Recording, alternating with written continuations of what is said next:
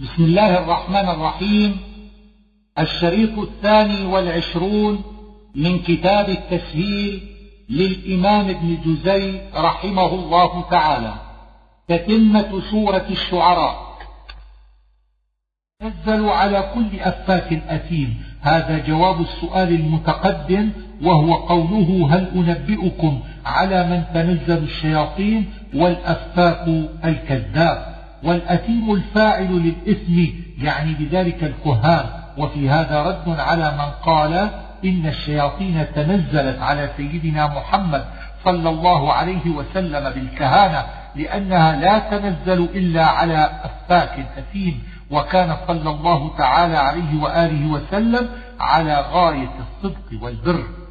يلقون السمع معناه يستمعون والضمير يحتمل أن يكون للشياطين بمعنى أنهم يستمعون إلى الملائكة. يكون للكهان بمعنى أنهم يستمعون إلى الشياطين وقيل يلقون بمعنى يلقون المسموع والضمير يحتمل أيضا على هذا أن يكون للشياطين لأنهم يلقون الكلام إلى الكهان أو يكون للكهان لأنهم يلقون الكلام إلى الناس وأكثرهم كاذبون يعني الشياطين أو الكهان لأنهم يكذبون فيما يخبرون به عن الشياطين والشعراء يتبعهم الغاوون. لما ذكر الكهان ذكر الشعراء ليبين أن القرآن ليس بكهانة ولا شعر لتباين ما بين أوصافه وأوصاف الشعر والكهانة.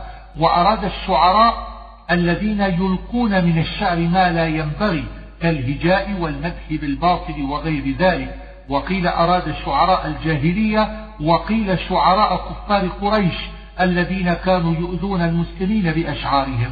والغاوون قيل هم رواة الشعر وقيل هم سفهاء الناس الذين تعجبهم الأشعار لما فيها من اللغو والباطل وقيل هم الشياطين.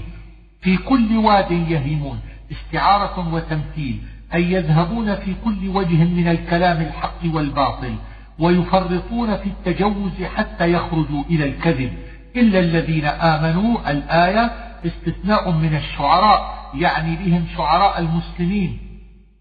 كحسان بن ثابت وغيره ممن اتصف بهذه الأوصاف وقيل إن هذه الآية مدنية.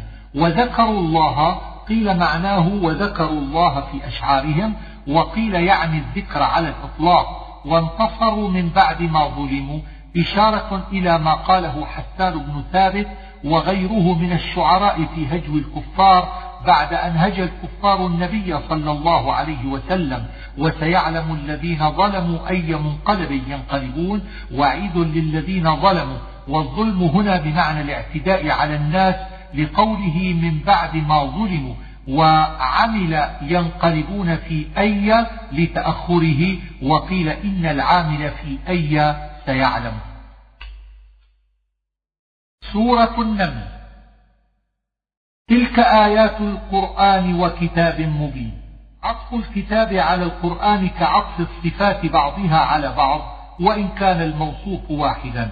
هدى وبشرى في موضع نصب على المصدر أو في موضع رفع على أنه خبر ابتداء مضمر وهم بالآخرة هم يوقنون. تحتمل هذه الجملة أن تكون معطوفة. فتكون, فتكون بقية صلة الذين أو تكون مستأنفة وتمت الصلة قبلها. ورجح الزمخشري هذا. يعمهون يتحيرون. سوء العذاب يعني في الدنيا وهو القتل يوم بدر. ويحتمل أن يريد عذاب الآخرة والأول أرجح لأن لأنه ذكر الآخرة بعد ذلك. لتلقى القرآن أي تعطاه. آنست ذكر في طه وكذلك قبس والشهاب النجم شبه القبس به وقرئ بإضاف شهاب إلى قبس وبالتنوين على البدل أو الصفة.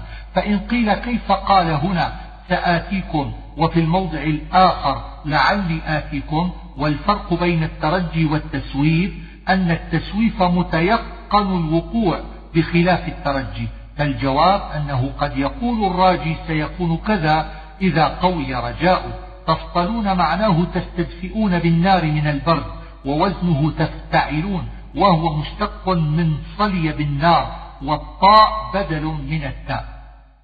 أن بورك من في النار ومن حولها أن مفسرة وبورك من البركة ومن في النار يعني من في مكان النار ومن حولها من حول مكانها يريد الملائكة الحاضرين وموسى عليه السلام. قال الزمخشري والظاهر أنه عام في كل من كان في تلك الأرض وفي ذلك الوادي وما حوله من أرض الشام. وسبحان الله يحتمل أن يكون مما قيل في النداء لموسى عليه السلام أو يكون مستأنفا وعلى كلا الوجهين قصد به تنزيه الله مما عسى أن يخطر ببال السامع من معنى النداء. أو في قوله بورك من في النار لأن المعنى نودي أن بورك من في النار. إذ قال بعض الناس فيه ما يجب تنزيه الله عنه. وألق عصاك هذه الجملة معطوفة على قوله بورك من في النار.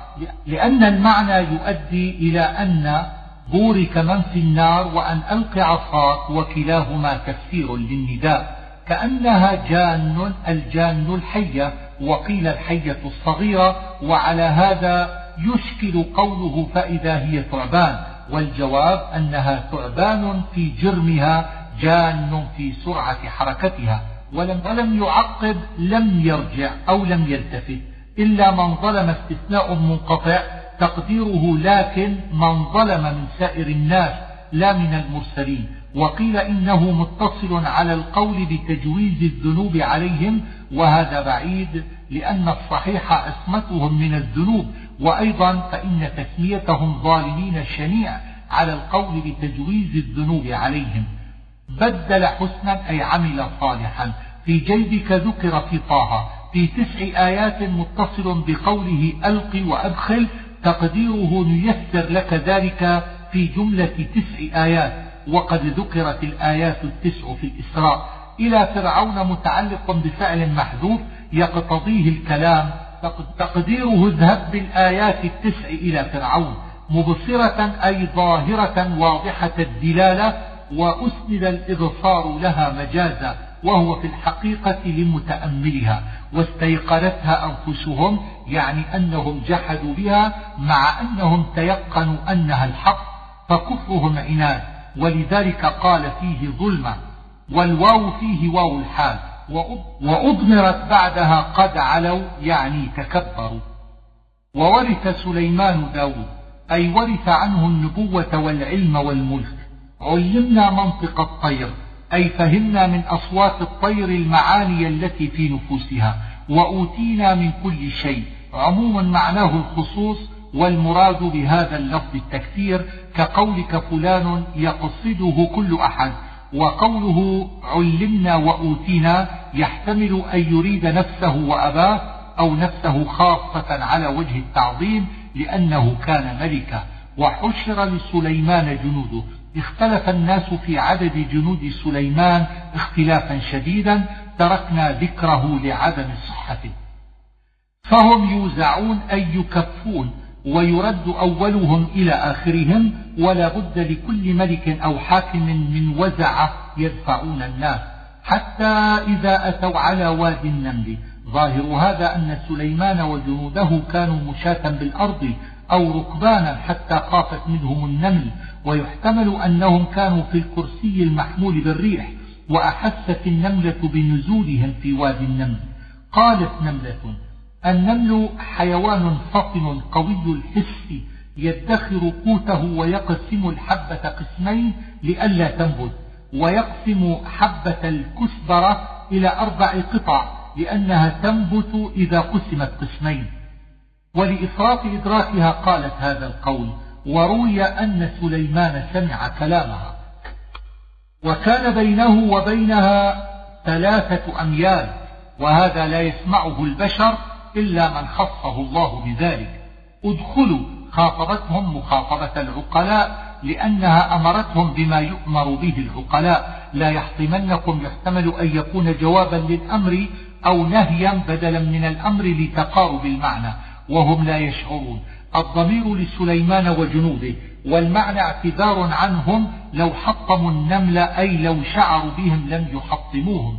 فتبسم ضاحكا تبسم لأحد أمرين أحدهما سروره بما أعطاه الله والآخر ثناء النملة عليه وعلى جنوده فإن قولها وهم لا يشعرون وصف لهم بالتقوى والتحفظ من مضرة الحيوان. وتفقد الطير. اختلف الناس في معنى تفقده للطير فقيل ذلك لعنايته بأمور ملكه وقيل لأن الطير كانت تظله فغاب الهدهد فدخلت الشمس عليه من موضعه. أم كان من الغائبين. أم منقطعة فإنه نظر إلى مكان الهدهد فلم يبصره فقال ما لي لا أرى الهدهد أي لا أراه ولعله حاضر وستره ساتر. ثم علم بأنه غائب فأخبر بذلك. لأعذبنه روي أن تعذيبه للطير كان بنتف ريشه بسلطان مبين أي حجة بينة. فمكث أي أقام ويجوز فتح الكاف وضمها وبالفتح قرأ عاصم. والفعل يحتمل أن يكون مسندا إلى سليمان عليه السلام أو إلى الهدهد وهو أظهر. غير, غير بعيد يعني زمان قريب. أحط أي أحط علما بما لم تعلمه. من سبأ يعني قبيلة من العرب وجدهم الذي يعرفون به سبأ بن يشجب بن يعرب بن قحطان. ومن صرفه أراد الحي أو الأب ومن لم يصرفه أراد القبيلة أو البلدة. وقرئ بالتسكين لتوالي الحركات وعلى القراءة بالتنوين يكون في قوله من سبأ بنبأ ضرب من أدوات البيان وهو التجنيس. امرأة تملكهم. المرأة بلقيس بنت شراحيل. كان أبوها ملك اليمن ولم يكن له ولد غيرها فغلبت بعده على الملك والضمير في تملكهم يعود على سبأ وهم قومها. من كل, من كل شيء عموما يراد به الخصوص فيما يحتاجه الملك ولها عرش عظيم يعني سرير ملكها. ووقف بعضهم على عرش ثم ابتدأ عظيم وجدتها. على تقدير عظيم أن وجدتها وقومها يسجدون للشمس من دون الله وهذا خطأ وإنما حمله عليه الفرار من وصف عرشها بالعظمة. ألا يسجدوا لله من كلام الهدهد أو من كلام الله. وقرأ الجمهور بالتشديد وأن في موضع نصب على البدل من أعمالهم أو في موضع خفض على البدل من السبيل أو يكون التقدير لا يهتدون لأن يسجدوا بحذف اللام وزيادة لا. وقرئ بالتخفيف على أن تكون لا حرف تنبيه وأن تكون الياء حرف نداء فيوقف عليها بالألف على تقدير يا قوم ثم يبتدأ اسجدوا. يخرج الخبأ. الخبأ في اللغة الخفي وقيل معناه هنا الغيب. وقيل يخرج النبات من الأرض واللفظ يعم كل خفي وبه فسره ابن عباس ثم تولى عنهم أي تنحى إلى مكان قريب لتسمع ما يقولون وروي أنه دخل عليها من قوة فألقى إليها الكتاب وتوارى في القوة وقيل إن التقدير انظر ماذا يرجعون ثم تولى عنهم فهو من المقلوب والأول أحسن. ماذا يرجعون؟ من قوله يرجع بعضهم إلى بعض القول. قالت يا أيها الملأ قبل هذا الكلام محذوف تقديره فألقى الهدهد إليها الكتاب فقرأته ثم جمعت أهل ملكها فقالت لهم يا أيها الملأ كتاب كريم وصفته بالكرم لأنه من عند سليمان أو لأن فيه اسم الله أو لأنه مختوم كما جاء في الحديث كرم الكتاب ختمه. من سليمان. يحتمل أن يكون هذا نص الكتاب بدأ فيه بالعنوان وأن يكون من كلامها أخبرتهم أن, أن الكتاب من سليمان. وأتوني مسلمين يحتمل أن يكون من الانقياد بمعنى مستسلمين أو يكون من الدخول في الإسلام. أولو قوة. يحتمل أن يريد قوة الأجساد أو قوة الملك والعدد. وكذلك يفعلون من كلام الله عز وجل تصديقا لقولها فيوقف على ما قبله أو من كلام بلقيس تأكيدا للمعنى الذي أرادته وتعني كذلك يفعل هؤلاء بنا. وإني مرسلة إليهم بهدية. قالت لقومها إني أجرب هذا الرجل بهدية من نفائس الأموال فإن كان ملكا دنيويا أرضاه المال وإن كان نبيا لم يرضه المال وإنما يرضيه دخولنا في دينه. فبعثت إليه هدية عظيمة وصفها الناس واختصرنا وصفها لعدم صحته أتمدونني بمال؟ إنكار للهدية لأن الله أغناه عنها بما أعطاه. بل أنتم بهديتكم تفرحون. أي أنتم محتاجون إليها فتفرحون بها؟ وأنا لست كذلك. ارجع إليهم. خطاب للرسول وقيل للهدهد والأول أرجح لأن قوله فلما جاء سليمان مسند إلى الرسول لا قبل لهم بها أي لا طاقة لهم بها. قال يا أيها الملأ أيكم يأتيني بعرشها قبل أن يأتوني مسلمين؟ القائل سليمان. والملأ جماعة من الجن والإنس. وطلب عرشها قبل أن يأتوه مسلمين لأنه وصف له بعظمة. فأراد أن يأخذه قبل أن يسلموا فيمنع إسلامهم من أخذ أموالهم. فمسلمين على هذا من الدخول في دين الإسلام. وقيل إنما طلب عرشها قبل أن يأتوه مسلمين ليظهر لهم قوته. فمسلمين على هذا بمعنى منقادين. قال عفريت روي عن وهب بن منبه أن اسم هذا العفريت الكودن. قبل, قبل أن تقوم من مقامك قبل أن تقوم من موضع الحكم وكان يجلس من بكرة إلى الظهر وقيل معناه قبل أن تستوي من جلوسك قائمة قال الذي عنده علم من الكتاب هو آصف بن برخية وكان رجلا صالحا من بني إسرائيل كان يعلم اسم الله الأعظم وقيل هو الخضر وقيل هو جبريل والأول أشهر وقيل سليمان وهذا بعيد. آتيك به في الموضعين يحتمل أن يكون فعلا مستقبلا أو اسم فاعل. قبل أن يرتد إليك طرفك الطرف العين فالمعنى على هذا قبل أن تغض بصرك إذا نظرت إلى شيء وقيل الطرف تحريك الأجفان إذا نظرت فلما رآه مستقرا عنده قيل هنا محذوف تقديره فجاءه الذي عنده علم من الكتاب بعرشها ومعنى مستقرا عنده حاصلا عنده وليس هذا بمستقر الذي يقدر النحويون تعلق المجرورات به خلافا لمن فهم ذلك. يشكر لنفسه أي منفعة الشكر لنفسه. قال نكروا لها عرشها تنكيره تغيير وصفه وستر بعضه. وقيل الزيادة فيه والنقص منه وقصد بذلك اختبار عقلها وفهمها. أتهتدي؟ يحتمل أن يريد تهتدي لمعرفة عرشها أو للجواب عنه إذا سئلت أو للإيمان. فلما جاءت قيل أهكذا عرشك؟ كان عرشها قد وصل قبلها إلى سليمان فأمر بتنكيره وأن يقال لها أهكذا عرشك؟ أي أمثل هذا عرشك؟ لئلا تفطن أنه هو. فأجابته بقولها كأنه هو جوابا عن السؤال ولم تقل هو تحرزا من الكذب أو من التحقيق في محل الاحتمال. وأوتينا العلم من قبلها هذا من كلام سليمان وقومه. لما رأوها قد آمنت قالوا ذلك اعترافا بنعمة الله عليهم في أن آتاهم العلم قبل بلقيس وهداهم للإسلام قبلها. والجملة معطوفة على كلام محذوف تقديره قد أسلمت هي وعلمت وحدانية الله وصحة النبوة وأوتينا نحن العلم قبلها. وصدها ما كانت تعبد من دون الله. هذا يحتمل أن يكون من كلام سليمان وقومه أو من كلام الله تعالى ويحتمل أن يكون ما كانت تعبد فاعلا أو مفعولا. فإن كان فاعلا فالمعنى صدها ما كانت تعبد عن عبادة الله والدخول في الإسلام حتى إلى هذا الوقت. وإن كان مفعولا فهو على إسقاط حرف الجر والمعنى صدها الله أو سليمان عما كانت تعبد من دون الله فدخلت في الإسلام. قيل لها ادخل الصرح. فلما رأته حسبته لجة وكشفت عن ساقيها.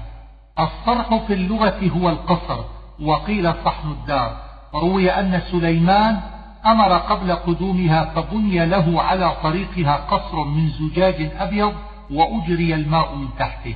وألقي فيه دواب البحر من السمك وغيره ووضع سريره في صدره.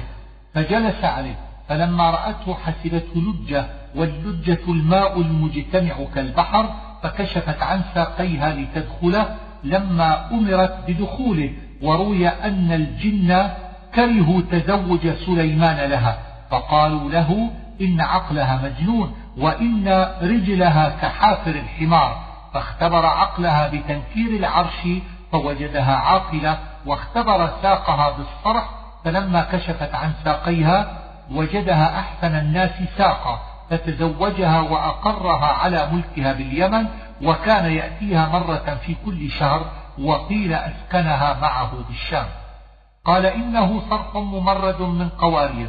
لما ظنت أن الصرح لجة ماء وكشفت عن ساقيها لتدخل الماء قال لها سليمان إنه صرح ممرد والممرد الأملس وقيل الطويل والقوارير جمع قارورة وهي الزجاجة قالت رب إني ظلمت نفسي.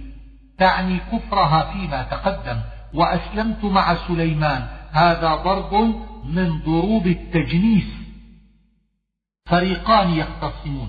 الفريقان من آمن ومن كفر واختصامهم اختلافهم وجدالهم في الدين. لم تستعجلون أي لم تطلبون العذاب قبل الرحمة أو المعصية قبل الطاعة؟ قالوا اطيرنا بك أي تشاءمنا بك وكانوا قد أصابهم القحط. قال طائركم عند الله أي السبب الذي يحدث عنه خيركم أو شركم هو عند الله وهو قضاؤه وقدره. وذلك رد عليهم في تطيرهم ونسبتهم ما أصابهم من القحط إلى صالح عليه السلام. وكان في المدينة يعني مدينة ثمود يفسدون في الأرض. قيل إنهم كانوا يقرضون الدنانير والدراهم لعلها يفرضون. ولفظ الفساد أعم من ذلك. تقاسموا بالله أي حلفوا بالله وقيل إنه فعل ماض وذلك ضعيف والصحيح أنه فعل أمر قاله بعضهم لبعض وتعاقدوا عليه.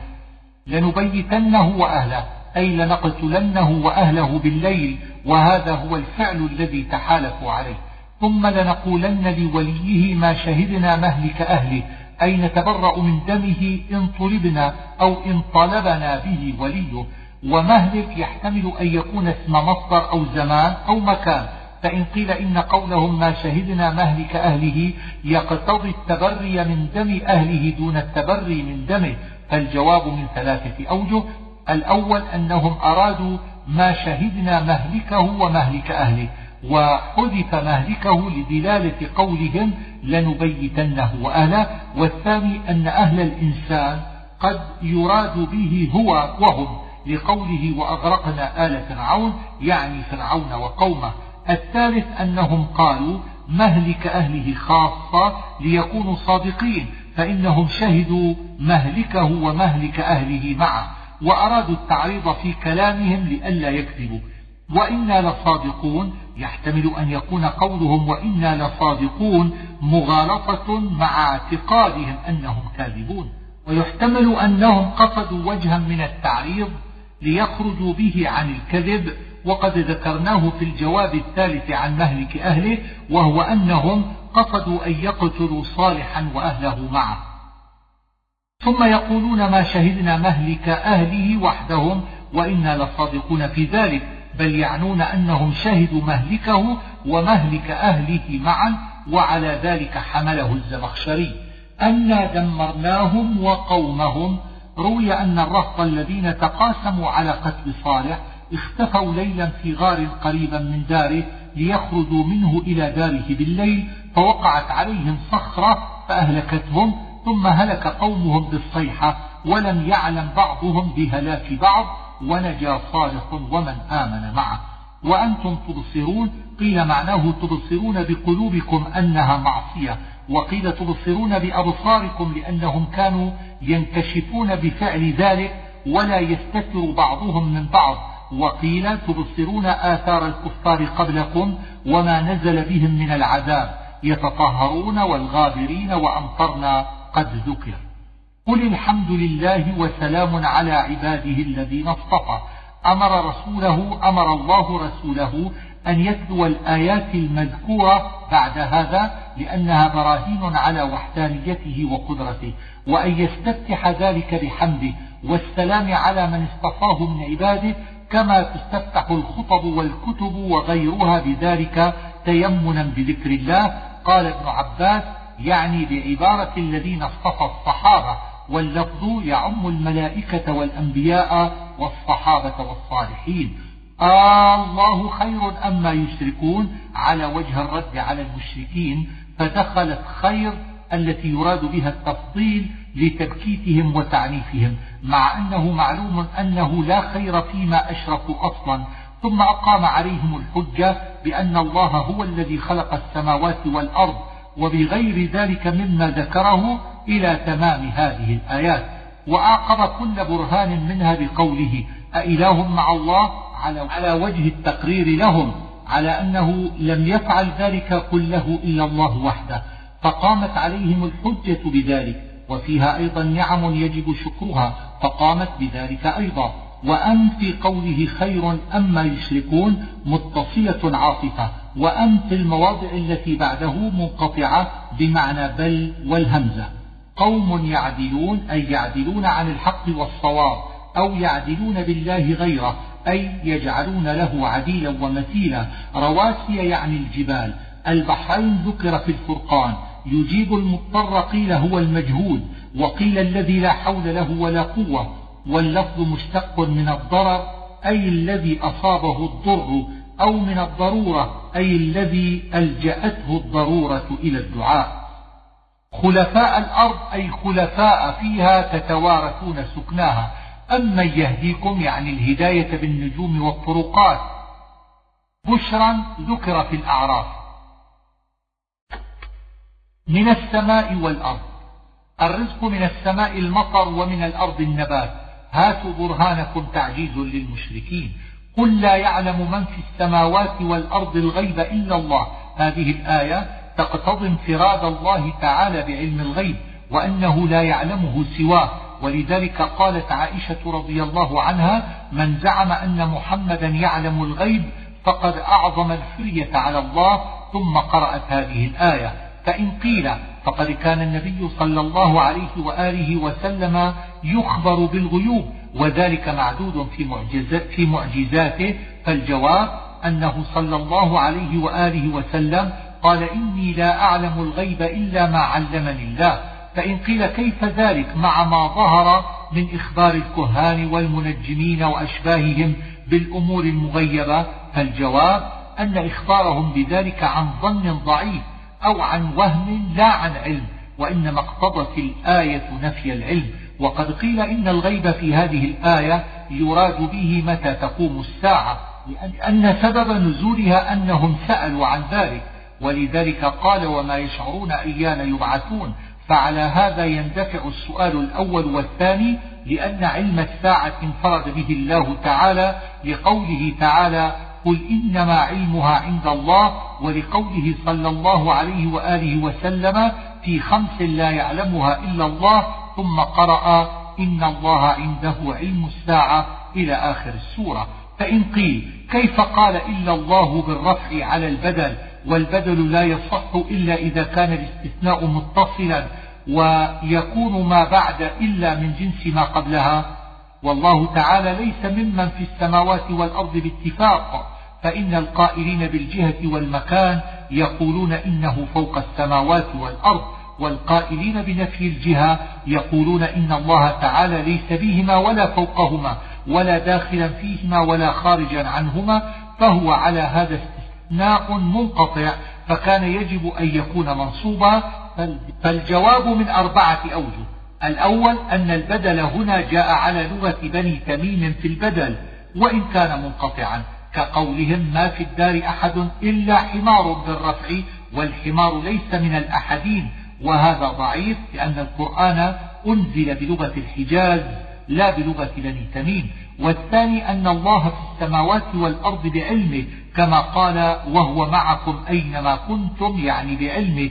فجاء البدل على هذا المعنى وهذا ضعيف لأن قوله في السماوات والأرض وقعت فيه لفظة في الظرفية الحقيقية وهي في حق الله على هذا المعنى للظرفية المجازية لا يجوز استعمال لفظة واحدة في الحقية في الحقيقة والمجاز في حالة واحدة عند المحققين والجواب الثالث أن قوله من في السماوات والأرض يراد به كل موجود فكأنه قال من في الوجود فيكون الاستثناء على هذا متصلا فيصح الرفع على البدل وإنما قال من في السماوات والأرض جريا على منهاج كلام العرب فهو لفظ خاص يراد به ما هو أعم منه. الجواب الرابع أن يكون الاستثناء متصلا على أن يتأول من في السماوات في حق الله كما يتأول قوله أأمنتم من في السماء؟ وحديث الجارية وشبه ذلك. وما يشعرون أيان يبعثون؟ أي لا يشعرون من في السماوات والأرض متى يبعثون لأن علم الساعة مما انفرد به الله. روي أن سبب نزول هذه الآية أن قريشا سألوا النبي صلى الله عليه وآله وسلم متى الساعة بل ادارك علمهم في الآخرة وزن الدارك تفاعل ثم سكنت التاء وأضغمت في الدال واجتلبت ألف الوصل والمعنى تتابع عملهم بالآخرة وتناهى إلى أن يكفروا بها أو تناهى إلى أن لا يعلموا وقتها وقرئ أدرك بهمزة قطع على وزن أفعل والمعنى على هذا يدرك علمهم في الآخرة أي يعلمون فيها الحق لأنهم يشاهدون حينئذ الحقائق فقوله في الآخرة على هذا ظرف وعلى القراءة الأولى بمعنى الباء. عمون جمع عم وهو من عمى القلوب. ردف لكم أي تبعكم واللام زائدة أو ضمن معنى قرب وتعدى باللام. ومعنى الآية أنهم استعجلوا العذاب بقولهم متى هذا الوعد فقيل لهم عسى أن يكون قرب لكم بعض العذاب الذي تستعجلون به وهو قتلهم يوم بدر. غائب الهاء فيه للمبالغة يعني أي ما من شيء في غاية الخفاء إلا وهو عند الله في كتاب. إنك لا تسمع الموتى. شبه من لا يسمع ولا يعقل بالموتى. في أنهم لا يسمعون وإن كانوا أحياء ثم شبههم بالصم والعمي وبالعمي وإن كانوا صحاح الحواس وأكد عدم سماعهم بقوله إذا ولوا مدبرين لأن الأصم إذا أدبر وبعد عن الداعي زاد صممه وعدم سماعه بالكلية. وإذا وقع القول عليهم أي إذا حان وقت عذابهم الذي تضمنه القول الأزلي من الله في ذلك وهو قضاؤه. والمعنى إذا قربت الساعة أخرجنا لهم دابة من الأرض وخروج الدابة من أشراط الساعة. وروي أنها تخرج من المسجد الحرام وقيل من الصفا وأن طولها ستون ذراعا وقيل هي الجساسة التي وردت في الحديث. تكلمهم قيل تكلمهم ببطلان الأديان كلها إلا دين الإسلام. وقيل تقول لهم ألا لعنة الله على الظالمين وروي أنها تسم الكافر وتخطم أنفه وتسود وجهه وتبيض وجه المؤمن. إن الناس من قرأ بكسر الهمزة فهو ابتداء كلام ومن قرأ بالفتح فهو مفعول تكلمهم أي تقول لهم إن الناس كانوا بآياتنا لا يوقنون. أو مفعول من أجله تقديره تكلمهم لأن الناس لا يوقنون ثم حذفت اللام ويحتمل قوله لا يوقنون بخروج الدابة ولا يوقنون بالآخرة وأمور الدين وهذا أظهر. فهم يوزعون أي يساقون بعنف. أم ماذا كنتم تعملون؟ أم استفهامية والمعنى إقامة الحجة عليهم كأنه قيل لهم إن كان لكم عمل أو حجة فهاتوها.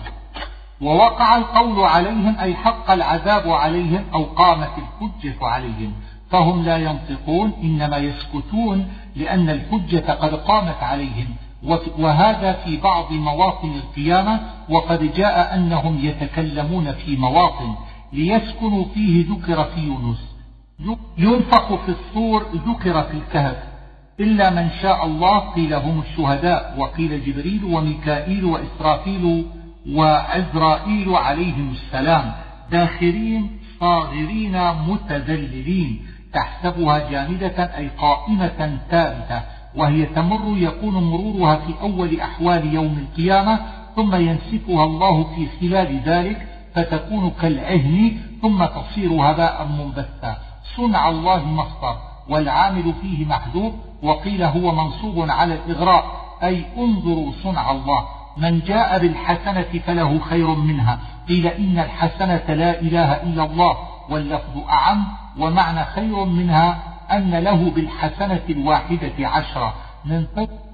من فزع يومئذ من نون فزع فتح الميم من يومئذ ومن أسقط التنوين للإضافة قرأ بفتح الميم على البناء أو بكسرها على الإعراب ومن جاء بالسيئة السيئة هنا الكفر والمعاصي التي قضى الله بتعذيب فاعلها. هذه البلدة يعني مكة الذي الذي حرمها أي جعلها حرما آمنا. لا يقاتل أو لا يقاتل فيها أحد ولا ينتهك حرمتها. ونسب تحريمها هنا إلى الله لأنه بسبب قضائه وأمره ونسبه النبي صلى الله عليه وآله وسلم إلى إبراهيم عليه السلام في قوله إن إبراهيم حرم مكة لأن إبراهيم هو الذي أعلم الناس بتحريمها فليس بين الحديث والآية تعارض. وقد جاء في حديث آخر أن مكة حرمها الله يوم خلق السماوات والأرض. ومن ضل فقل إنما أنا من المنذرين.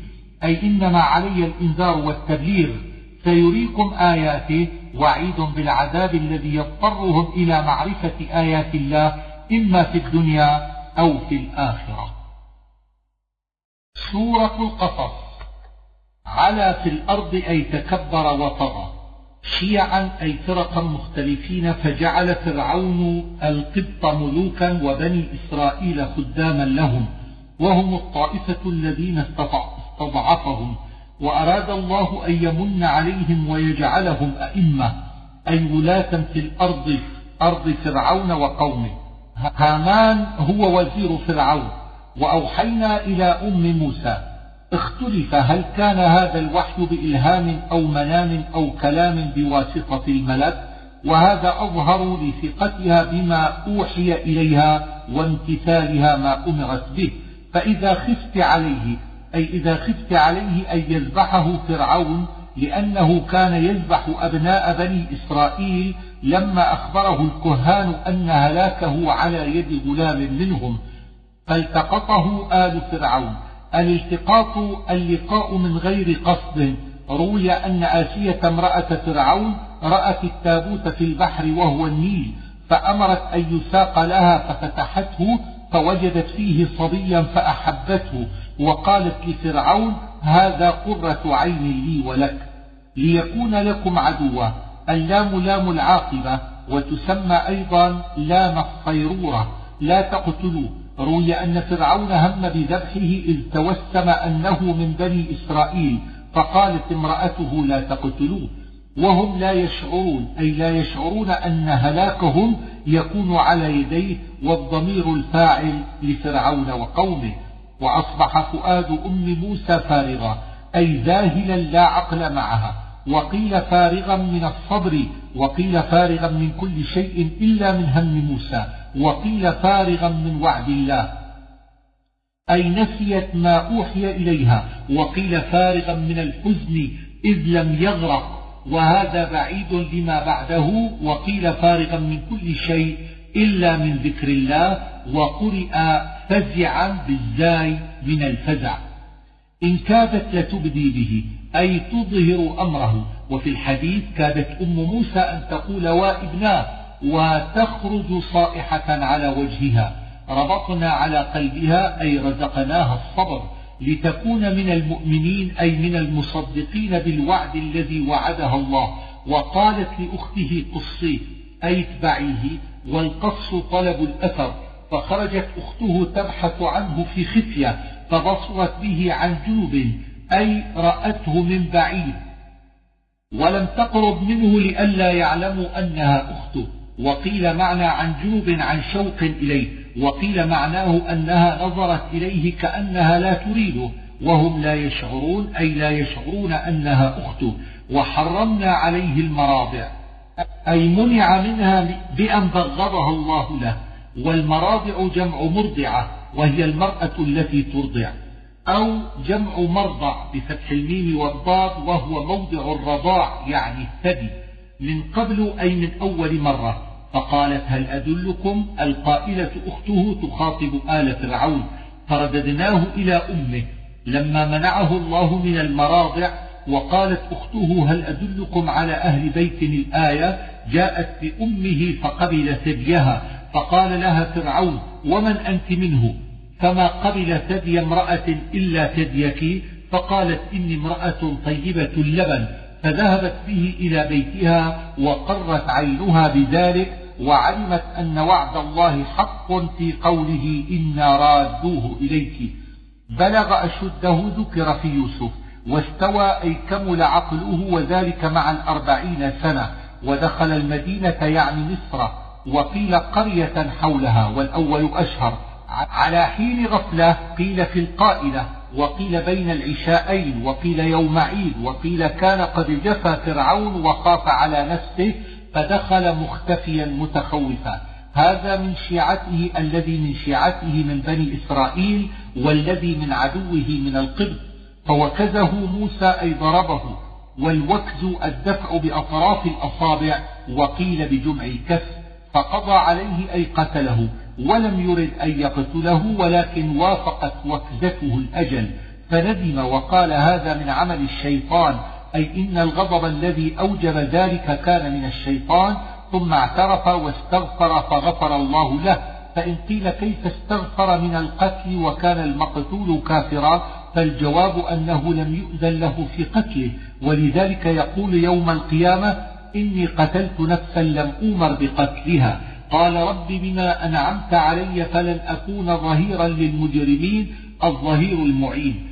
والباء سببية والمعنى بسبب إنعامك علي لا أكون ظهيرا للمجرمين فهي معاهدة عاهد موسى عليها ربه وقيل الباء باء القسم وهذا ضعيف لأن قوله فلن أكون لا يصلح لجواب القسم وقيل جواب القسم محذوف تقديره وحق نعمتك لأتوبن فلن أكون ظهيرا للمجرمين وقيل الباء للتحليف أي أعصمني بحق نعمتك علي فلن أكون ظهيرا للمجرمين ويحتج بهذه الآية على المنع من صحبة ولاة الجور. يترقب في الموضعين أن يتحسس هل يطلبه أحد. يستصرخه أي يستغيث به. لقي موسى الإسرائيلي الذي قاتل القبطي بالأمس يقاتل رجلا آخر من القبط. فاستغاث بموسى لينصره كما نصره بالأمس. فعظم ذلك على موسى وقال, إنك وقال له إنك لغوي مبين. فلما أن أراد أن يبطش بالذي هو عدو لهما الضمير في أراد وفي يبطش لموسى وفي قال للإسرائيلي والمعنى لما أراد موسى أن يبطش بالقبطي الذي هو عدو له وللإسرائيلي ظن الإسرائيلي أنه يريد أن يبطش به إذ قال له إنك لغوي مبين. فقال الإسرائيلي لموسى أتريد أن تقتلني كما قتلت نفسا بالأمس؟ وقيل الضمير في أراد للإسرائيلي. والمعنى فلما أراد الإسرائيلي أن يبطش موسى بالقبطي ولم يفعل موسى ذلك لندامته على قتله الآخر بالأمس فنصح الإسرائيلي فقال له أتريد أن تقتلني؟ فاشتهر خبر قتله للآخر إلى أو وصل إلى فرعون. وجاء رجل قيل إنه مؤمن آل فرعون وقيل غيره يسعى أن يسرع في مشيه ليدرك موسى فينصحه. إن الملأ يأتمرون بك يتشاورون. وقيل يأمر بعضهم بعضا بقتلك كما قتلت القبطي ولما توجه تلقاء مدين أي قصد بوجهه ناحية مدين وهي مدينة شعيب عليه الصلاة والسلام قال عسى ربي أن يهديني سواء السبيل أي وسط الطريق يعني طريق مدين إذ كان قد خرج فارا بنفسه وكان لا يعرف الطريق وبين مصر ومدين مسيرة ثمانية أيام. وقيل أراد سبيل الهدى وهذا أظهر ويدل كلامه هذا على أنه كان عارفا بالله قبل نبوته. ولما ورد ماء مدين أي وصل إليه وكان بئرا يسكون أي يسكون مواشيهم. امرأتين امرأتين روي أن اسمهما ليا وصفوريا وقيل صفيرا وصفرا. تذودان أي تمنعان الناس عن غنمهما. وقيل تذودان غنمهما عن الماء حتى يسقي الناس وهذا أظهر لقولهما لا نسقي حتى يصدر الرعاء أي كانت عادتهما ألا يسقي غنمهما إلا بعد الناس لقوة الناس ولضعفهما أو لكراهتهما التزاحم مع الناس. يصدر بضم الياء وكسر الدال فعل متعد والمفعول محذوف تقديره حتى يصدر الرعاء مواشيهم. وقرئ بفتح الياء وضم الدال أي ينصرفوا عن الماء. وأبوهما شيخ كبير أي لا يستطيع أن يباشر سقي غنمه. وهذا الشيخ هو شعيب عليه السلام في قول الجمهور وقيل ابن أخيه وقيل رجل صالح ليس من شعيب بنسب. فسقى لهما أي أدركته شفقته عليهما فسقى غنمهما. وروي أنه كان على فم البئر صخرة لا يرفعها إلا ثلاثون رجلا فرفعها وحده. تولى إلى الظل أي جلس في الظل وروي أنه كان ظل, ظل سمرة. إني لما أنزلت إلي من خير فقير. طلب من الله ما يأكله وكان قد اشتد عليه الجوع. فجاءته إحداهما قبل هذا كلام محذوف تقديره فذهبتا إلى أبيهما سريعتين وكانت عادتهما الإبطاء في السقي فأخبرتاه بما كان من أمر سقي الرجل لهما فأمر إحداهما أن تدعوه له فجاءته واختلف هل التي جاءته الصورة أو الكبرى. على استحياء روي أنها سترت وجهها بكم ذراعها والمجرور يتعلق بما قبله وقيل بما بعده وهو ضعيف. وقص عليه القصص أي ذكر له قصته. لا تخف أي قد نجوت من فرعون وقومه لأن بلد مدين لم يكن من ملك فرعون.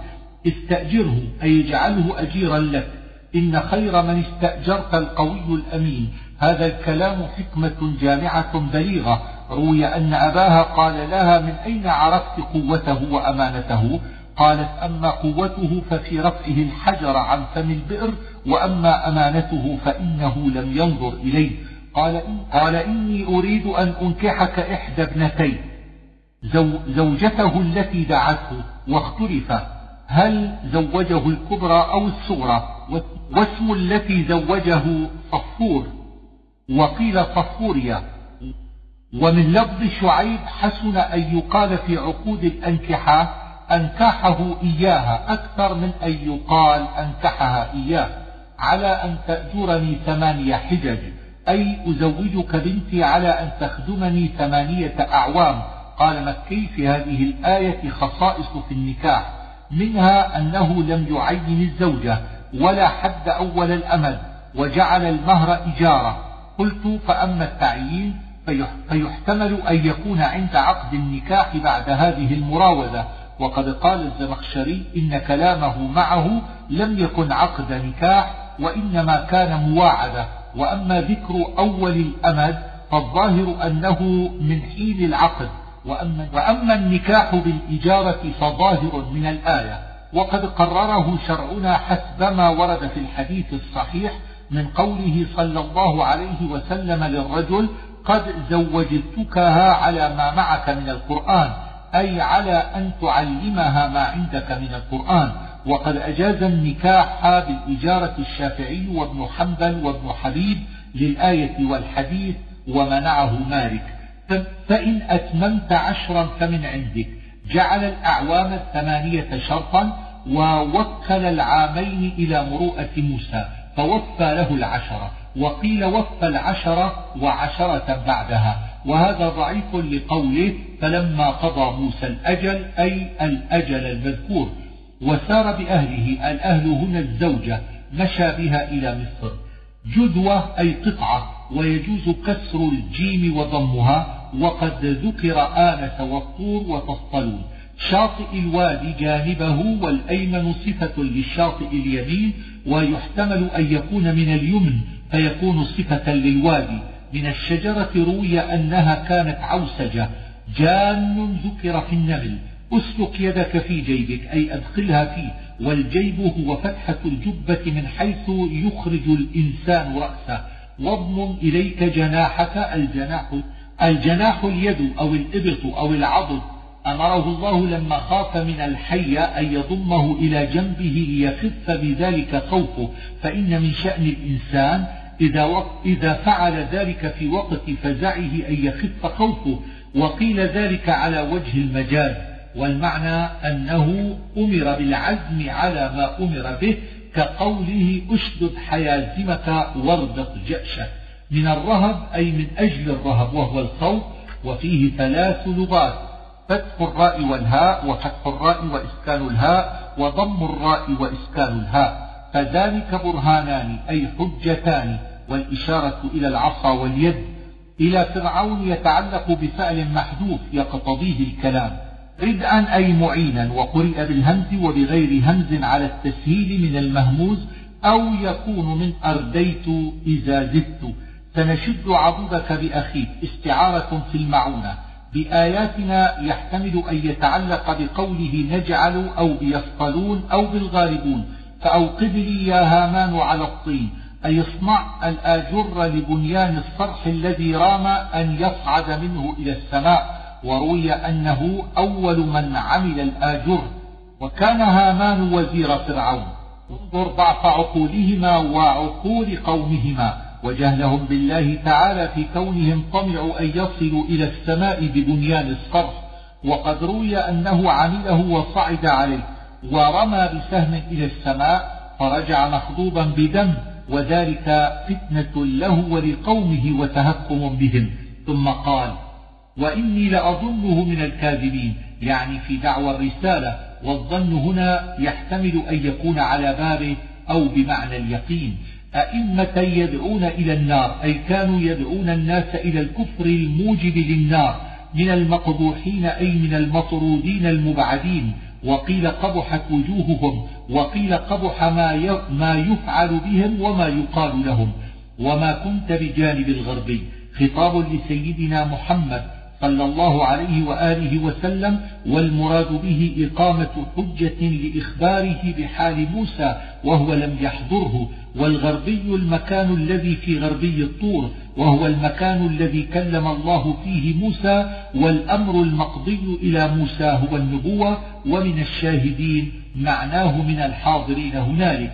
ولكنا أنشأنا قرونا فتطاول عليهم العمر المعنى لم تحضر يا محمد للاطلاع على هذه الغيوب التي تخبر بها ولكنها صارت إليك بوحينا فكان الواجب على الناس المسارعة إلى الإيمان بك ولكن تطاول الأمر على القرون التي أنشأناها فغابت عقولهم واستحكمت جهالتهم فكفروا بك.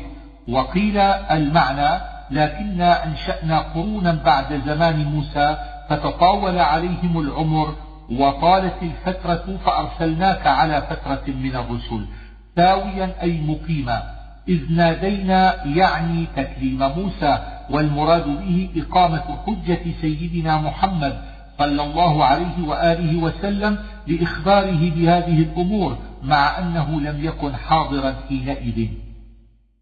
ولكن رحمة انتصب على المصدر أو على أنه مفعول من أجله والتقدير ولكن أرسلناك رحمة منا لك ورحمة للخلق بك.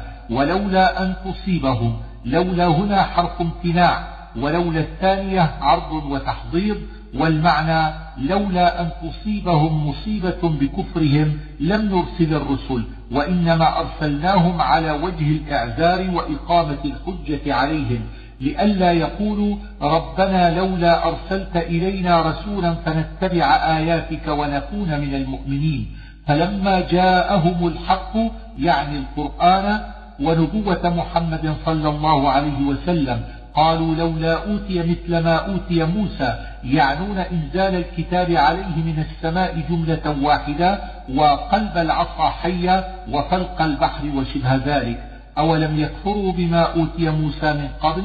هذا رد عليهم فيما طلبوه والمعنى أنهم كفروا بما أوتي موسى. فلو آتينا محمدا مثل ذلك لكفروا به ومن قبل على هذا يتعلق بقوله أوتي موسى. ويحتمل أن يتعلق بقوله أولم يكفروا؟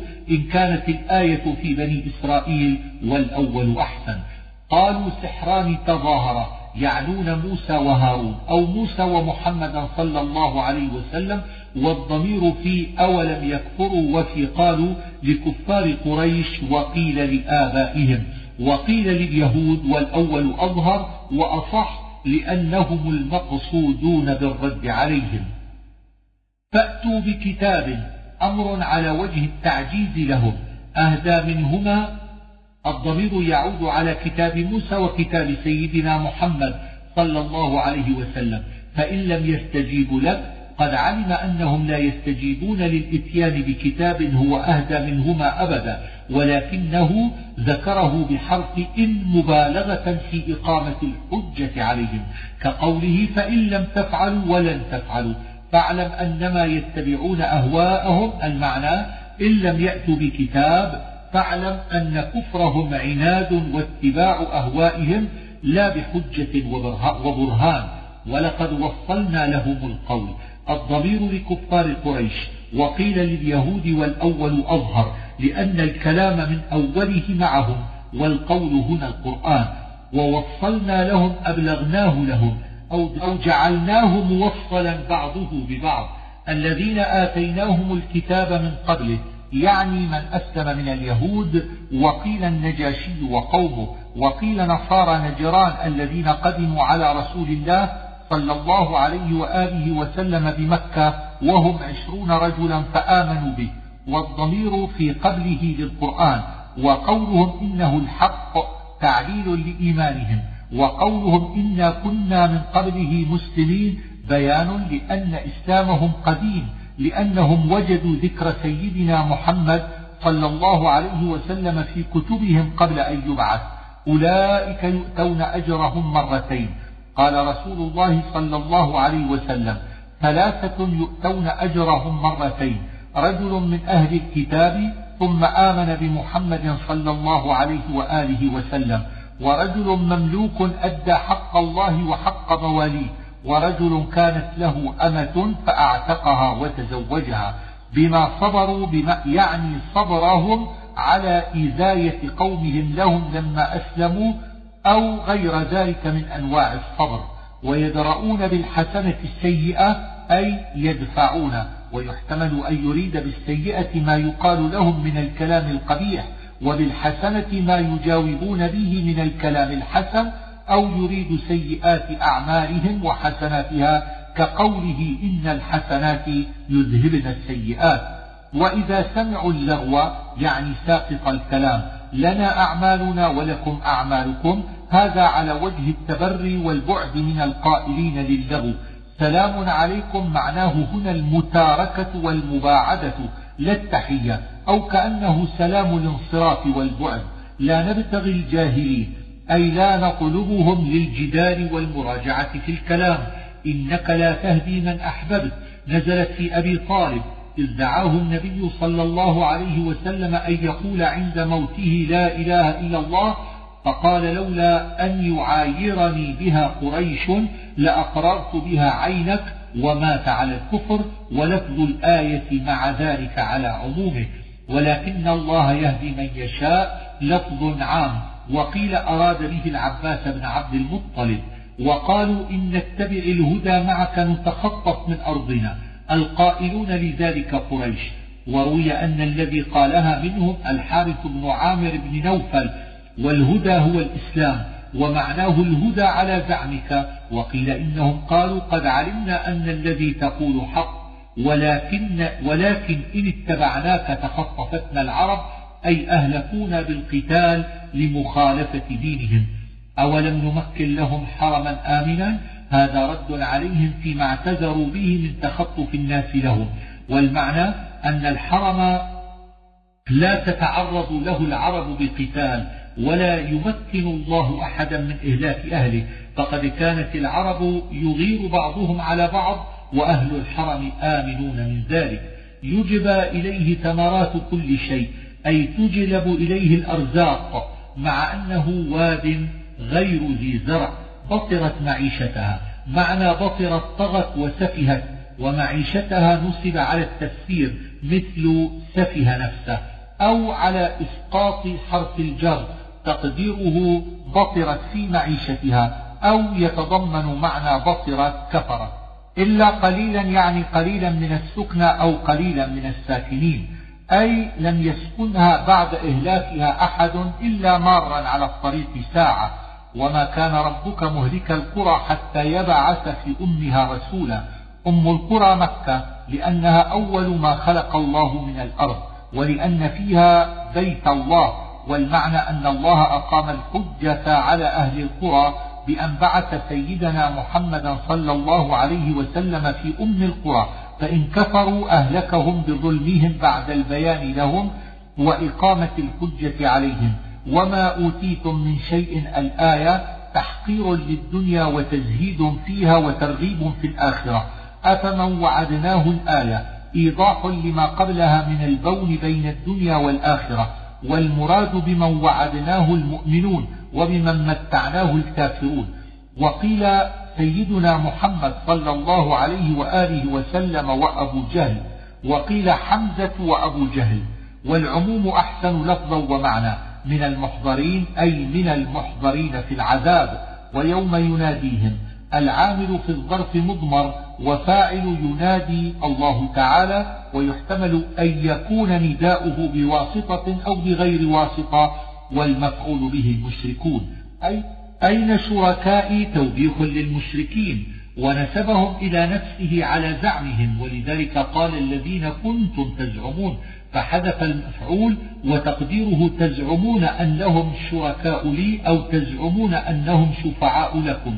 قال الذين حق عليهم القول ربنا هؤلاء الذين أغوينا. معنى حق عليهم القول وجب عليهم العذاب. والمراد بذلك رؤساء المشركين وكبراؤهم والإشارة بقولهم هؤلاء الذين أغوينا إلى أتباعهم من الضعفاء. فإن قيل كيف الجمع بين قولهم أغوينا وبين قولهم تبرأنا إليك فإنهم اعترفوا بإغوائهم وتبرأوا مع ذلك منهم.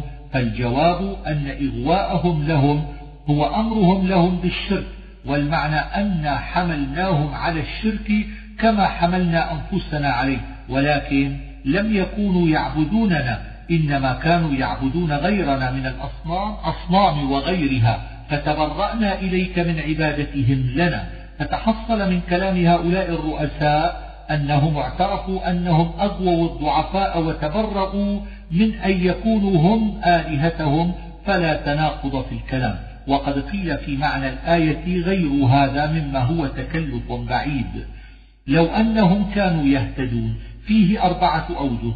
الأول أن المعنى لو أنهم كانوا يهتدون في الدنيا لم يعبدوا الأصنام. والثاني لو أنهم كانوا يهتدون لم يعذبوا. والثالث لو أنهم كانوا يهتدون في الآخرة لحيلة يدفعون بها العذاب لفعلوا. فلو تلوا على هذه الأقوال حرف امتناع وجوابها محذوف. والرابع أن يكون لو للتمني. أي تمنوا لو كانوا مهتدين.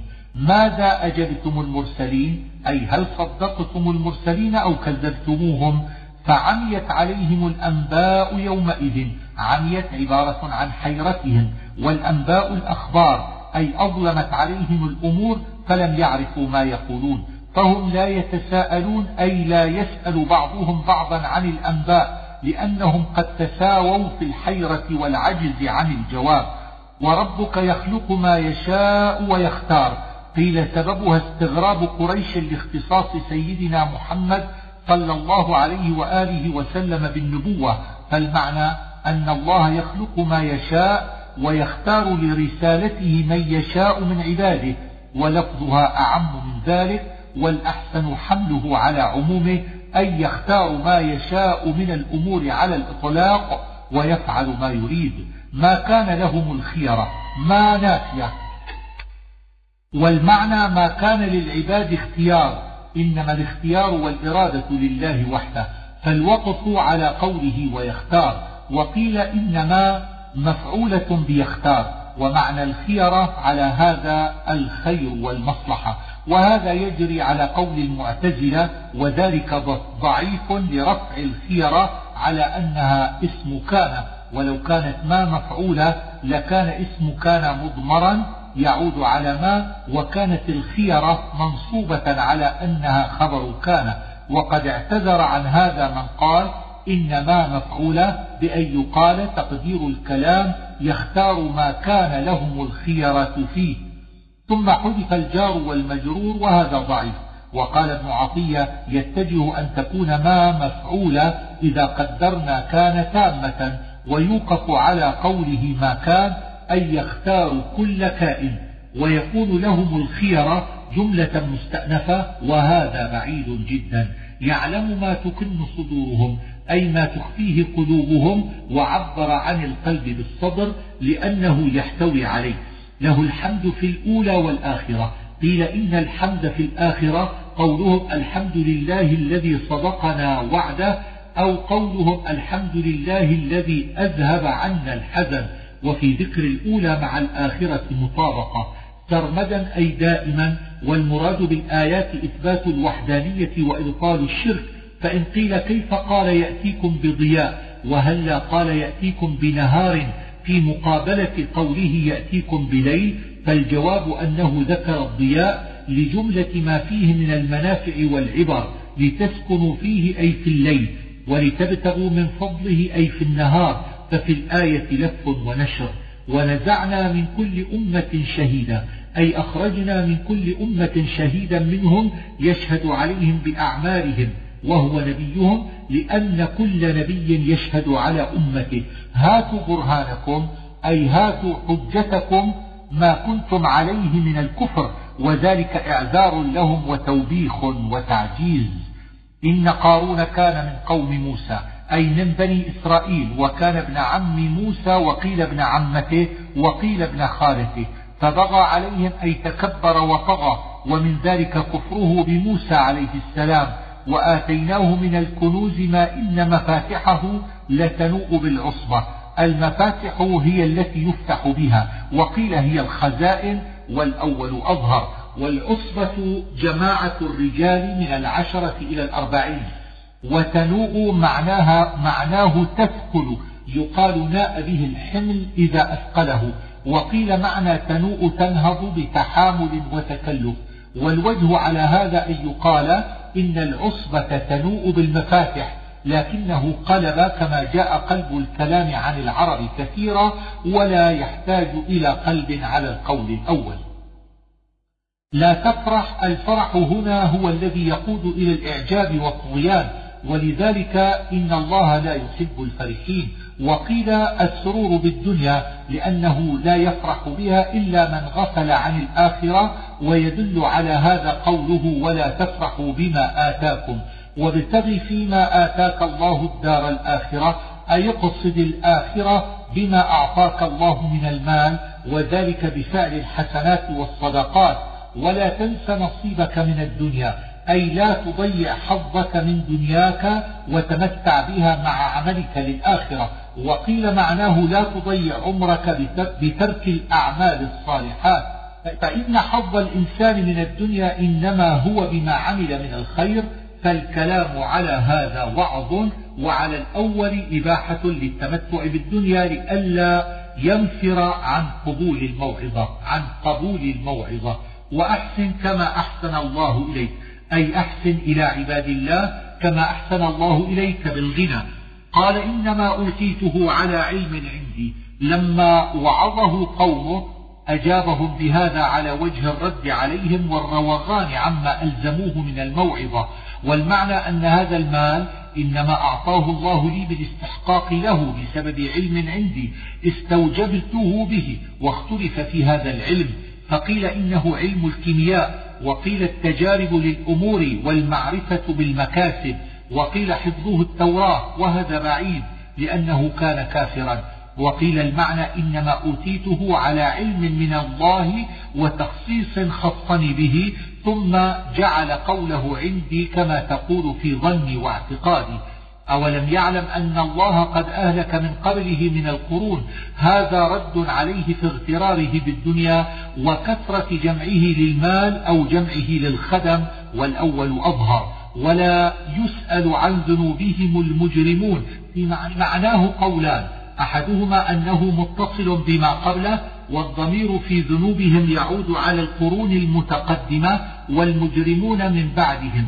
أي لا يسأل المجرمون عن ذنوب من تقدمهم من الأمم الهالكة لأن كل أحد إنما يسأل عن ذنوبه خاصة والثاني أنه إخبار عن حال المجرمين في الآخرة وأنهم لا يسألون عن ذنوبهم لكونهم يدخلون النار من غير حساب والصحيح أنهم يحاسبون على ذنوبهم ويسألون عنها لقوله فوربك لنسألنهم أجمعين عما كانوا يعملون. فهذا السؤال المنفي السؤال على وجه الاختبار وطلب التعريف لأنه لا يحتاج إلى سؤالهم على هذا الوجه لكن يسألون على وجه التوبيخ.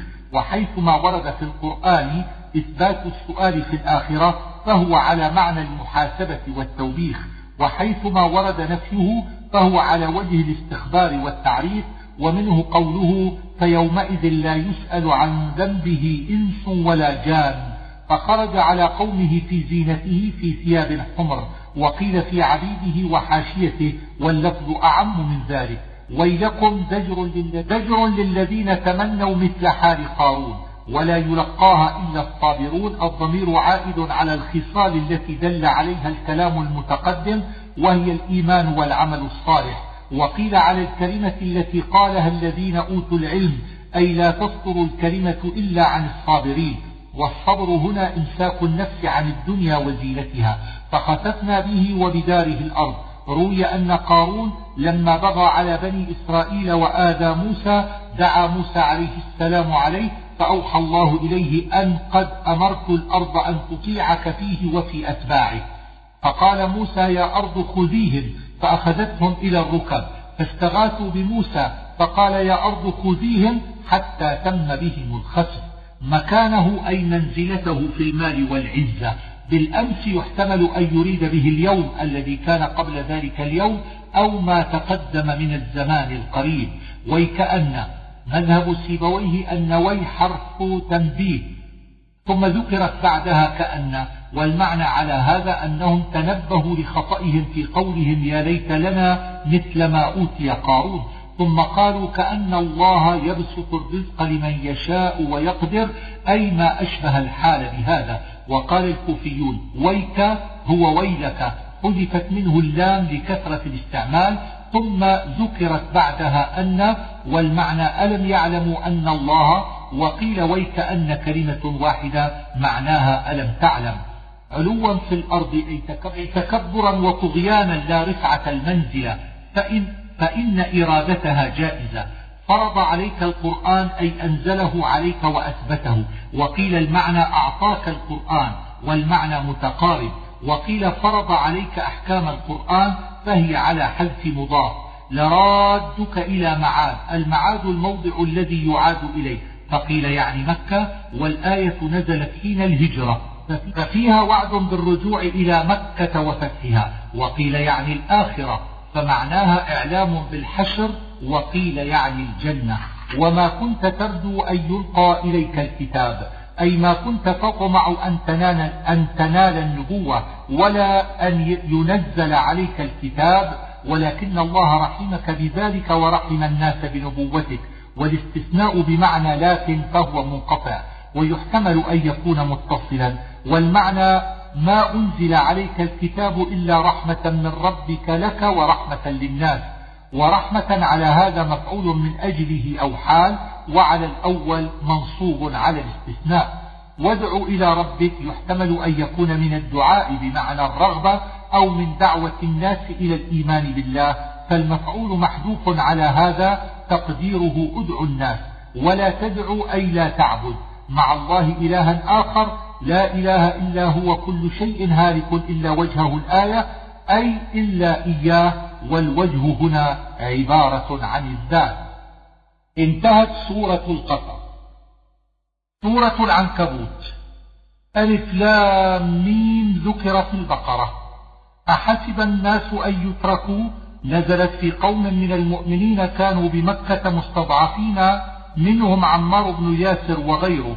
وكان كفار قريش يؤذونهم ويعذبونهم على الإسلام فضاقت صدورهم بذلك فآنسهم الله بهذه الآية ووعظهم وأخبرهم أن ذلك اختبار ليوطنوا أنفسهم على الصبر على الأذى والثبوت على الإيمان. فأعلمهم الله تعالى أن تلك سيرته في عباده يسلط الكفار على المؤمنين ليمحصهم بذلك ويظهر الصادق في إيمانه من الكاذب ولفظها مع ذلك عام فحكمهم على العموم في كل من أصابته فتنة من مصيبة أو مضرة في النفس والمال وغير ذلك. ومعنى حسب ظن وأن يتركوا مفعولها والهمزة للإنكار وهم لا يفتنون في موضع الحال من الضمير في يتركوا تقديره غير مفتونين. وأن يقولوا تعليل في موضع المفعول من أجله. فليعلمن الله الذين صدقوا أن يعلموا صدقهم علما ظاهرا في الوجود وقد كان علمه في الأزل والصدق والكذب في الآية يعني بهما صحة الإيمان والثبوت عليه أو ضد ذلك. أم حسب الذين يعملون السيئات أن يسبقون أم معادلة لقوله أحسب الناس والمراد بالذين يعملون السيئات الكفار الذين يعذبون المؤمنين ولفظها مع ذلك عام في كل كافر أو عاص. ومعنى يسبقون يفوت من عقابنا ويعجزون. فمعنى الكلام نفي سبقهم كما أن معنى الآية قبلها نفي ترك المؤمنين بغير فتنة. من كان يرجو لقاء الله الآية تسلية للمؤمنين ووعد لهم بالخير في الدار الآخرة والرجاء هنا على بابه وقيل هو بمعنى الخوف وأجل الله هو الموت. ومعنى الآية من كان يرجو ثواب الله فليصبر في الدنيا على المجاهدة في طاعة الله حتى يلقى الله فيجازيه. فإن لقاء الله قريب الإتيان وكل ما هو آت قريب. ومن جاهد فإنما يجاهد لنفسه. أي منفعة جهاده فإنما هي لنفسه. فإن الله لا تنفعه طاعة العباد. والجهاد هنا يحتمل أن يراد به القتال أو جهاد النفس. حسنا منصوب بفعل مضمر تقديره ووصينا الإنسان أن يفعل بوالديه حسنا أو مصدرا من معنى وصينا أي وصية حسنة. وإن جاهداك لتشرك بي الآية نزلت في سعد بن أبي وقاص وأنه لما أسلم حلفت أمه ألا تستظل بظل حتى يكفر. وقيل نزلت في غيره ممن جرى له مثل ذلك فأمرهم الله بالثبات على الإسلام وألا يطيعوا الوالدين إذا أمروهم بالكفر وعبر عن أمر الوالدين بالجهاد مبالغة. ومن الناس من يقول آمنا بالله. نزلت في قوم كانوا مؤمنين بألسنتهم. فإذا عذبهم الكفار رجعوا عن الإيمان فإذا نصر الله المؤمنين قالوا إنا كنا معكم. فمعنى أوذي في الله أوذي بسبب إيمانه بالله وفتنة الناس وتعذيبهم. وقيل نزلت في عياش بن أبي ربيعة أخي أبي جهل لأمه. اتبعوا سبيلنا. أي قال الكفار للمؤمنين اكفروا كما كفرنا ونحمل نحن عنكم الإثم والعقاب إن كان. وروي أن قائل هذه المقالة الوليد بن المغيرة حكاه المهدوي. وقولهم ولنحمل خطاياكم جزاء قولهم اتبعوا سبيلنا ولكنهم ذكروه على وجه الأمر للمبالغة. ولما كان من الخبر صحة تكذيبهم فيه أخبره الله أنهم كاذبون أي لا يحملون أوزار هؤلاء بل يحملون أوزار أنفسهم وأوزار أتباعهم من الكفار. فلبث فيهم ألف سنة إلا خمسين عاما. الظاهر أنه لبث هذه المدة بعد بعثه ويحتمل أن يكون ذلك من أول ولادته وروي أنه بعث وهو ابن أربعين سنة وأنه عمر بعد الطوفان ثلاثمائة وخمسين سنة. فإن, قيل لما قال ألف سنة ثم قال إلا خمسين عاما فاختلف اللفظ مع اتفاق المعنى. فالجواب أن ذلك كراهة لتكرار لفظ السنة فإن التكرار مكروه إلا إذا قصد به تفخيم أو تهويل. وجعلناها آية. يحتمل أن يعود الضمير على السفينة أو على النجاة أو على القصة بكمالها.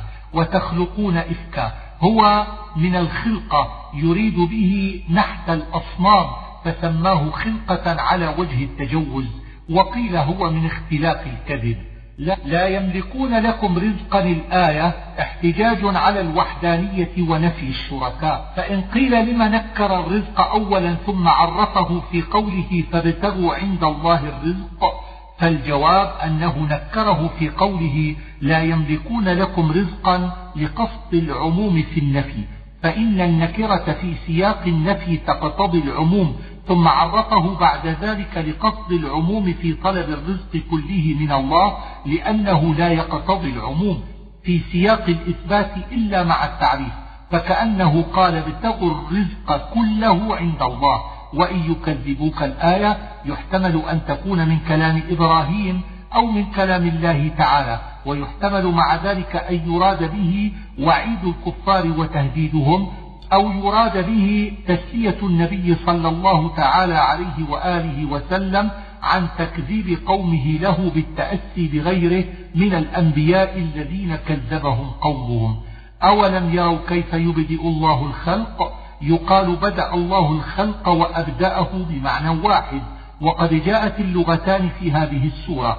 والمعنى أولم يرى الكفار أن الله خلق الخلق فيستدلون بالخلقة الأولى على الإعادة في الحشر فقوله ثم يعيده ليس معطوفا على يبدأ لأن المعنى فيهما مختلف لأن رؤية البداءة بالمشاهدة بخلاف الإعادة فإنها تعلم بالنظر والاستدلال وإنما هو معطوف على الجملة كلها وقد قيل إنه يريد إعادة النبات وإبداء وعلى هذا يكون ثم يعيده عطفا على يبدئ لاتفاق المعنى والأول أحسن وأليق بمقاصد الكلام. إن ذلك على الله يسير يعني إعادة الخلق وهي حشرهم ثم أمرهم بالسير في الأرض ليروا مخلوقات الله فيستدلوا بها على قدرته على حشرهم. ولذلك ختمها بقوله إن الله على كل شيء قدير. وإليه تقلبون أي ترجعون. وما أنتم بمعجزين. أي لا تفوتون من عذاب الله. وليس لكم مهرب في الأرض ولا في السماء. أولئك يئسوا من رحمتي. يحتمل أن يكون يأسهم في الآخرة أو يكون وصفا لحالهم في الدنيا لأن الكافر يائس من رحمة الله والمؤمن راج خائف وهذا الكلام من قوله أولم يروا إلى هنا؟ يحتمل أن يكون خطابا لمحمد صلى الله عليه وآله وسلم معترضا بين قصة إبراهيم ويحتمل أن يكون خطابا لإبراهيم وبعد ذلك ذكر جواب قومه له. مودة, مودة بينكم. نصب مودة على أنه مفعول من أجله أو مفعول ثاني لاتخذتم ورفعها على أنه خبر ابتداء مضمر أو خبر إن وتكون ما موصولة ونصب بينكم على الظرفية وخفضه بالإضافة. فآمن له لوط تضمن آمن معنى قال ولذلك تعدى باللام. وقال إني مهاجر إلى ربي القائل لذلك إبراهيم وقيل لوط وهاجر من بلادهما بأرض بابل إلى الشام. وجعلنا في ذريته النبوة والكتاب أكثر الأنبياء من ذرية إبراهيم. وعلى ذريته أنزل الله التوراة والإنجيل والزبور والفرقان. وتقطعون السبيل. قيل أراد قطع الطريق للسلب والقتل وقيل أراد قطع سبيل النسل بترك النساء وإتيان الرجال وتأتون في ناديكم المنكر. النادي المجلس الذي يجتمع فيه الناس والمنكر فعلهم بالرجال وقيل إذايتهم للناس. ولما جاءت رسلنا إبراهيم بالبشرى الرسل هنا الملائكة والبشرى بشارة إبراهيم بالولد وهو قوله فبشروه بغلام حليم أو بشارته بنصر سيدنا لوط والأول أظهر. أهل هذه القرية يعني قرية سيدنا لوط. قال إن فيها لوطا ليس إخبارا بأنه فيها وإنما قصد نجاة سيدنا لوط من العذاب الذي يصيب أهل القرية وبراءته من الظلم الذي وصفوه به. فكأنه قال كيف تهلكون أهل القرية وفيها لوط؟ وكيف تقولون إنهم ظالمون وفيها لوط؟ من الغابرين قد ذكر وكذلك سيء بهم. من السماء أي عذابا. وارجوا اليوم الآخر. قيل الرجاء هنا الخوف. وقيل هو على باله ولا تعثوا في الأرض. يعني نقصهم المكيال والميزان. الرجفة هي الصيحة. وقد تبين لكم من مساكنهم. أي آثار, مس أي آثار مساكنهم باقية تدل على ما أصابهم وكانوا مستبصرين قيل معناه لهم بصيرة في كفرهم وإعجاب به وقيل لهم بصيرة في الإيمان ولكنهم كفروا عنادا وقيل معنى مستبصرين عقلاء متمكنين من النظر والاستدلال ولكنهم لم يفعلوا. وما كانوا سابقين أي لم يفوتونا. فمنهم من أرسلنا عليه حاصبا الحاصب الحجارة والحاصب أيضا الريح الشديدة ويحتمل عندي أنه أراد به المعنيين لأن قوم سيدنا لوط أهلكوا بالحجارة وعاد أهلكوا بالريح وإن حملناه على المعنى الواحد نقص ذكر الآخر. وقد أجاز كثير من الناس استعمال اللفظ الواحد في معنيين كقوله إن الله وملائكته يصلون على النبي ويقوي ذلك هنا لأن المقصود هنا ذكر عموم أخذ أصناف الكفار ومنهم من أخذته الصيحة يعني ثمود ومدين ومنهم من خسفنا به الأرض يعني قارون ومنهم من أغرقنا يعني قوم نوح وفرعون وقومه. مثل الذين اتخذوا من دون الله أولياء كمثل العنكبوت اتخذت بيتا. شبه الله الكافرين في عبادتهم للأصنام بالعنكبوت في بنائها بيتا ضعيفا. فكان ما اعتمدت عليه العنكبوت في بيتها ليس بشيء فكذلك ما اعتمدت عليه الكفار من آلهتهم ليس بشيء لأنهم لا ينفعون ولا يضرون. أوهن البيوت أي أضعفها. لو كانوا يعلمون أي لو كانوا يعلمون أن هذا مثلهم. إن الله يعلم ما يدعون من دونه من شيء. ما موصولة بمعنى الذي مفعولة للفعل الذي قبلها. وقيل هي نافية والفعل معلق عنها. والمعنى على هذا لستم تدعون من دون الله شيئا له بال. فلا يصلح أن يسمى شيئا. بالحق أي بالواجب لا على وجه العبث واللعب. إن الصلاة تنهى عن عن الفحشاء والمنكر. إذا كان المصلي خاشعا في صلاته متذكرا لعظمة من وقف بين يديه حمله ذلك على التوبة من الفحشاء والمنكر فكأن الصلاة ناهية عن ذلك. ولذكر الله أكبر. قيل فيه ثلاث معان. الأول أن المعنى أن الصلاة أكبر من غيرها من الطاعات وسماها بذكر الله لأن ذكر الله أعظم ما فيها كأنه أشار بذلك إلى تعليل نهيها عن الفحشاء والمنكر لأن ذكر الله فيها هو الذي ينهى عن الفحشاء والمنكر. الثاني أن ذكر الله على الدوام أكبر في النهي عن الفحشاء والمنكر من الصلاة لأنها في بعض الأوقات دون بعض. الثالث أن ذكر الله أكبر أجرا من الصلاة ومن سائر الطاعات. كما ورد في الحديث ألا أنبئكم بخير أعمالكم؟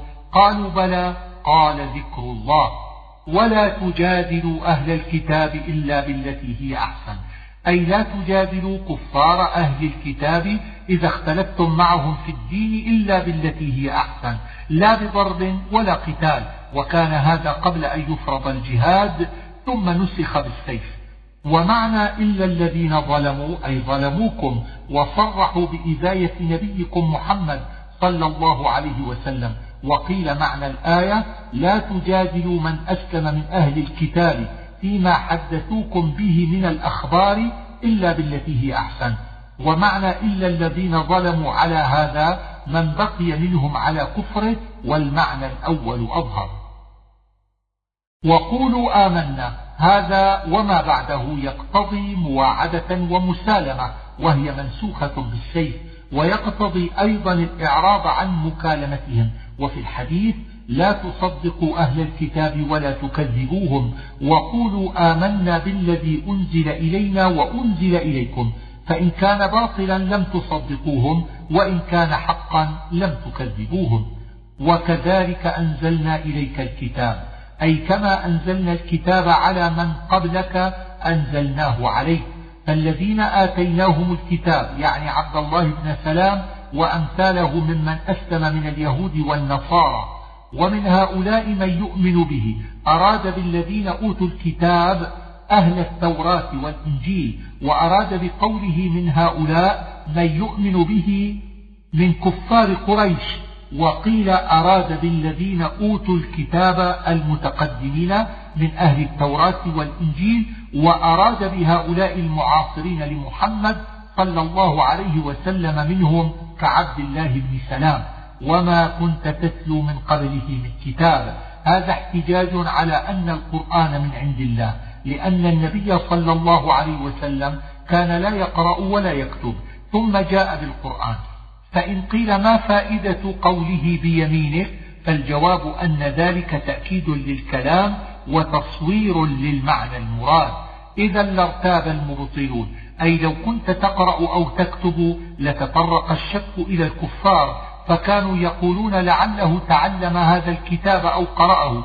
وقيل وجه الاحتجاج أن أهل الكتاب كانوا يجدون في كتبهم أن النبي صلى الله عليه وآله وسلم أمي لا يقرأ ولا يكتب فلما جعله الله كذلك قامت عليهم الحجة ولو كان يقرأ أو يكتب لكان مخالفا للصفة التي وصفه الله بها عندهم.